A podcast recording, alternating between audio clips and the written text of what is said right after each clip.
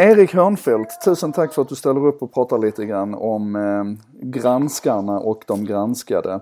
Eh, för att få koll på dig så kan man ju googla Erik Hörnfeldt, men du kan väl bara ge ett par relevanta highlights ur din karriär. Vad är det du har gjort som, är, eh, som har med medievärlden att göra? Alltså jag är ju gammal journalist. Jag har jobbat, jobbat eh, för väldigt länge sedan på Expressen och eh, inom Kinnevikssfären och sen har jag sadlat om och så hamnat på internetsidan. Och sen har jag jobbat ett antal år som informationschef. Mm. Och då jobbade du på, på Tre bland annat va? Ja, senast nu så var jag, senast när jag var fast anställd någonstans så var jag på den glada mobiloperatören 3. Just det, och de är ju, de är ju aldrig i blåsväder så att... Eh... du... så här, jag, jag, jag, jag tror att jag någonstans gillar sådana där jobb när liksom det ryker lite runt öronen. Mm, jag har nästan förstått det. Du skrev i alla fall i morse, du bloggar ju på Resumé numera också. Du är en mm. i det här nya eh, pigga bloggteamet på Resumé. Och du, ja, jag vet. en av de vita medelålders männen. Ja, tre amigos. Just det, tre amigos ja. Men du skrev i morse om att du, eh, apropå att jag refererade till det här att rådet man alltid får eh, när man blir utsatt för en granskning eller när medierna skriver om en överhuvudtaget är att man ska släppa det. Och så skrev du, du tycker inte alls att man ska släppa det. Berätta lite grann hur du tänker. Ja, det känns, kändes så här. Det finns en massa människor som alltså inte normalt umgås med media vilket då till exempel en politiker eller en minister gör dygnet runt. Och, eh, men människor som då och då utsätts för en granskning och eh, påfallande ofta så har man i efterhand en känsla av att man har blivit kränkt eller man har blivit illa behandlad eller man har utsatts för någonting som är väldigt obehagligt. Och jag använder lite drastiska liknelser när man kände sig våldtagen. Och man skulle, ingen människa skulle någonsin säga till ett våldtagsoffer. glöm det här och lägg det bakom dig. Jag menar mm, för sin egen skull så bör man ju bearbeta det som har hänt. Mm. Men varför får man då så ofta det rådet att man ska, att man ska släppa det? Var kommer det ifrån? Jag vet inte men eh, alltså när jag bytte sida och började jobba med eh, information och som PR-konsult så en av de saker som förvånade mig det var ju liksom hur, hur rädda folk var för journalister. Och um, man fick panik när liksom media ringde.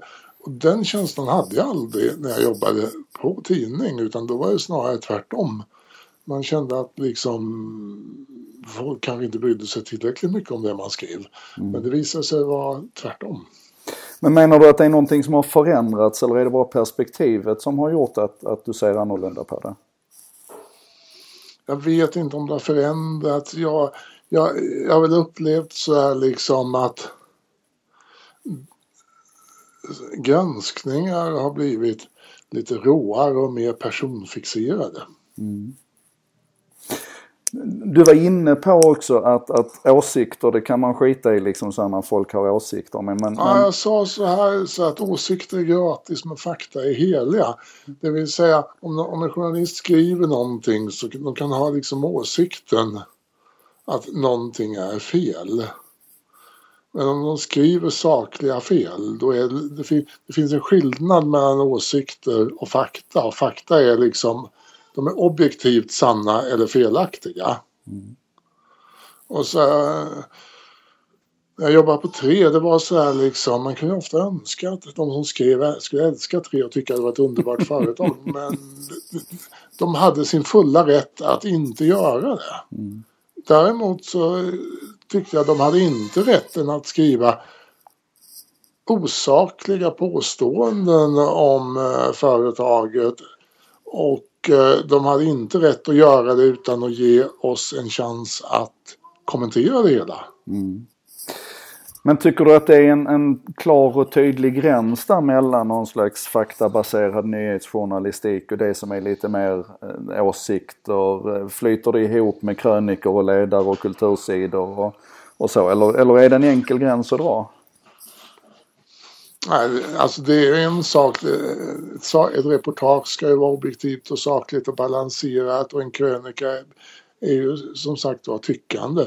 Men även i en krönika så ska fakta vara korrekta. Mm. Är inte det lite omdiskuterat? Fakta, jag vet, jag förstår inte riktigt hur man kan diskutera huruvida fakta är omdisk...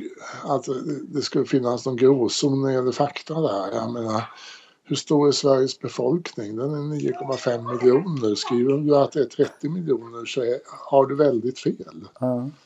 Och det, ja. Men en annan, en annan gråzon som ändå finns det är ju den mellan dig som individ och det företag du verkar inom. Alltså är det, är det mänskligt att kunna, har du alltid kunnat isolera dig själv helt ifrån eventuell kritik mot, mot dem du har jobbat för? Nej, alltså det har man ju inte. Man, man, man, tar, åt, man tar åt sig personligen också. Ibland så blir kritiken personlig och sånt. Va? Det, det är fullt mänskligt men om man vänder på det så är det, om man får beröm så är det liksom, det tar man ju åt sig personligen av det också. Mm. Det är sant. Och, ehm, jag, tror, jag, jag tror att om man går in i en roll där man företräder någonting så får man finna sig i att ta smällar på det personliga planet. Mm. Och, och, då är du inne lite grann på, eh, vad ska man säga, ansvarsfrågan. Alltså du skrev ju det att eh, att man ska ta sin del av ansvaret för att det ska bli rätt. Alltså när företaget eller organisationen, verksamheten beskrivs att det ska bli rätt. Hur, hur menar du att man tar det ansvaret? Alltså jag menar ju så att om, om någon skriver en artikel om mig och det är fakta, de har intervjuat mig och det är faktafel i artikeln. Då är det någonstans så har jag inte riktigt gjort jobbet eftersom det har blivit fel. Eller rättare sagt jag och journalisten har ett gemensamt ansvar för att det har blivit fel i artikeln. Mm. Och, och, och, eh, då får man ju se hur man ska hantera det. Jag blev lite förvånad när jag sprang på, på den här kompisen i fredag som sa så att jag var den enda, enda informatören, PR-killen som hörde av sig och faktiskt påpekade felaktigheter. Mm. Var, var, varför tror du det är så? Är det den här rädslan? Alltså jag har ingen aning. Men, men, men, men, om, jag titt, om jag tittar på det så ser jag liksom i den här PR-branschen som är väldigt stor i den här stan så finns det inte så många personer som faktiskt har jobbat som journalister. Ändå så sägs det att det är i den riktningen som det stora strömhoppet går. Att alla... Ja, det, kan, det, det, det kanske det är, men majoriteten är ju liksom statsvetare och, och, har gått informationsutbildningar och sånt. Just det, de är inte battleproven på samma sätt. Eller rättare sagt, de förstår kanske inte riktigt vad journalist, hur journalister jobbar och vad de är ute efter. Nej, vad det, vad, berätta lite mer om det då. Vad är det man ska förstå där att de är, att de är ute efter? Ja, det är ju inte alltid man gör det, men jag menar, det, första, det första jag brukar fråga journalister som ringer upp det är i vilket tidsperspektiv de jobbar. Är, är, det, är det en snabb grej som ska ut direkt eller är det mer liksom ett undersökande som man har en vecka på sig eller någonting sånt. Va? Så man förstår tidsperspektivet. Är det en skarp intervju eller är de ute efter bakgrundsinformation? Um, sen så gäller det ofta att få journalister att säga rätt, rakt ut vad det handlar om. Mm, Vilket de ibland inte vill. Mm. Och, och varför vill man inte det? Jag vet inte. Jag föreställ, de föreställer sig att de ska lura en till att försäga sig innan de talar om vad artikeln ska handla om. Ja, just det. Då blir det lite grann den här, den här kampen på något vis. Ja, det är lite det jag skrev. Skrev jag det i um, antingen den eller en, annan, annan, annan, annat blogginlägg som handlar om mediaträning. Att det får liksom umgänget mellan journalister och informatörer får inte förfalla till billiga tricks. Nej, just det. Jag tycker man, man har allt att vinna på att vara så öppen och rak som möjligt mot varandra. Mm. Det faller väl tillbaka till det här gemensamma ansvaret som du, som du kommer tillbaka till va? Ja, och det, det får liksom inte bli så att det blir någon personlig aktion mellan journalisten och den som bli omskriven heller. Nej, just det. För du, du är inne på det också att eh, även om man är saklig och, och kunnig och sådär så är det lätt att man blir eh, betraktad som ett asshole. Alltså att du får ett, ett rykte om dig att vara lite besvärlig kanske. Men du menar att det är... Ja, i viss, så här, i vissa lägen så valde jag att vara besvärlig. Och, och jag, jag menar det bästa man kan åstadkomma är att man får någon form av respekt och att i fortsättningen så ringer de upp en och ger, en en chans att bemöta det de skriver och sånt. För man, du kan inte tvinga någon att gilla dig eller ditt företag men du kan liksom få någon form av rättvis behandling.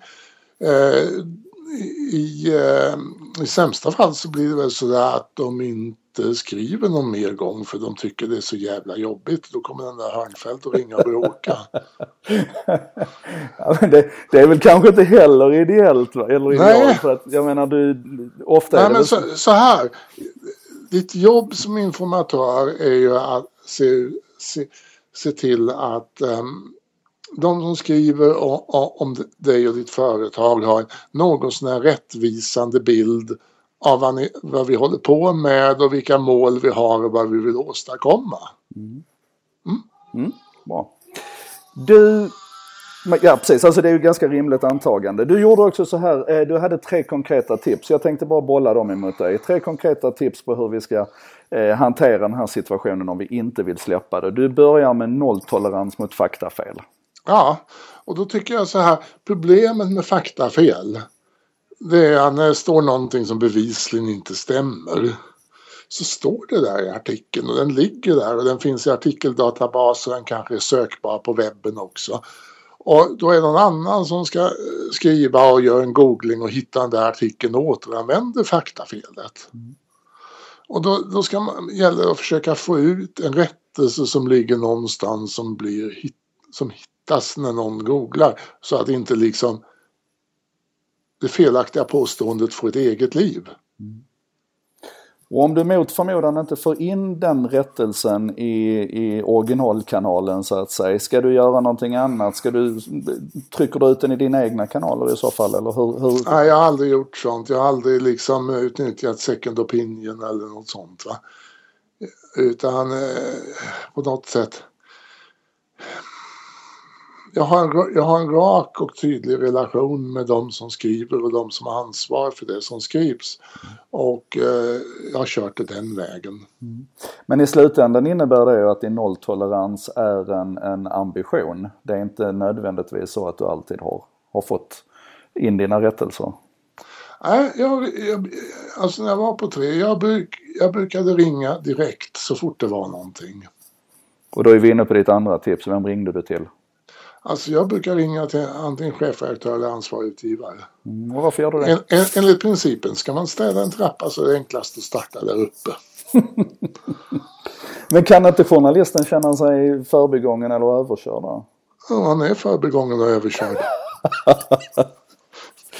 han får förklara sig för sin chef istället för mig. Chefen har ju oftast ingen aning om vad det hela handlar om. Och så kommer han gå till journalisten och säga du Hörnfeldt ringer här och är upprörd och vad är det om egentligen? Och då, det blir jobbigare att förklara för chefen än det blir för att förklara för mig. Ja, men då är vi inne på ditt tredje tips som handlar om att du skulle vara trevlig. Är det verkligen trevligt att gå förbi journalisten? Alltså jag är ju inte, jag är inte otrevlig när jag ringer. Ja. Och säger, alltså jag är hemskt ledsen men det har blivit ett fel här i tidningen och vi tycker att det är ett allvarligt fel av följande skäl och jag skulle uppskatta om ni kunde korrigera det på något sätt. Och då så säger chefen, ja men jag vad du säger men jag har ju pratat med reportern innan jag tar ställning men jag lovar att återkomma. Mm. Ja. ja det låter ju så enkelt. Alltså det är det ju, det är det ju inte men jag menar vad är, vad är, vad är PR? R står för relationer och alla relationer du vet det är ups and downs. Ibland bråkar man och eh, på det hela taget så har man målsättningen att man ska ha en bra relation. Vi är som en familj och ibland bråkar vi. Ja. Okej okay, Erik, för att sammanfatta så menar du på att vi ska, vi ska alltså inte Eh, vi ska inte låta det här passera utan vi ska se till att ha nolltolerans mot faktafel, klaga direkt till chefredaktören och vi ska vara trevliga när vi gör det.